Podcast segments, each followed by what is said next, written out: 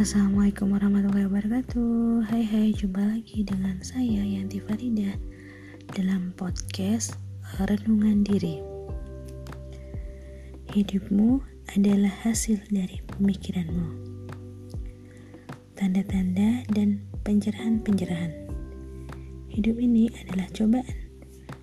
Dan dalam kesabaran mengarunginya Ada hakikat yang sangat terpuji Allah berfirman dalam surat At-Tolak ayat 7 yang artinya Allah akan menjadikan kemudahan setelah kesukaran. Allah juga berfirman dalam surat Al-Imran ayat 200 yang artinya Wahai orang-orang yang beriman, bersabarlah, kuatkanlah kesabaran kalian dan bersatulah. Bertakwalah kepada Allah supaya kalian beruntung.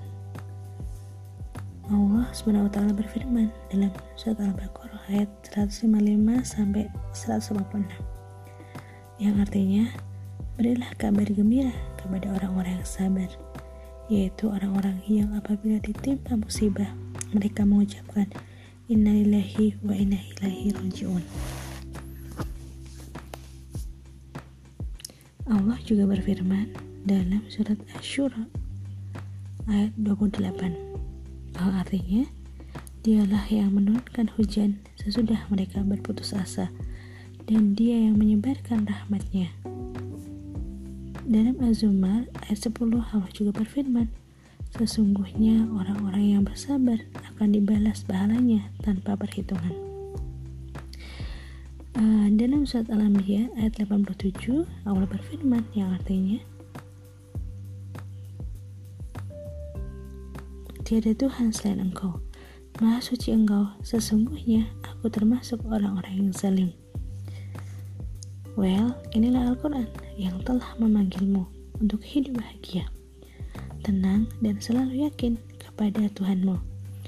Dadamu selalu terbuka karena janji Allah yang benar. Allah tidak menjadikan makhluknya untuk disiksa. Namun dia menghendaki agar mereka menjaga diri memperbaiki diri, dan bersikap santun. Sungguh Allah Maha Pengasih kepada manusia, melebihi kasih orang tua. Mohonlah rahmat dan ridho kepadanya dengan zikir, syukur, membaca kitabnya, dan mengikuti Rasulullah SAW.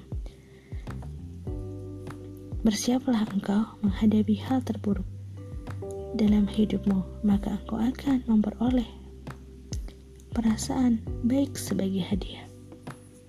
Wassalamualaikum warahmatullahi wabarakatuh.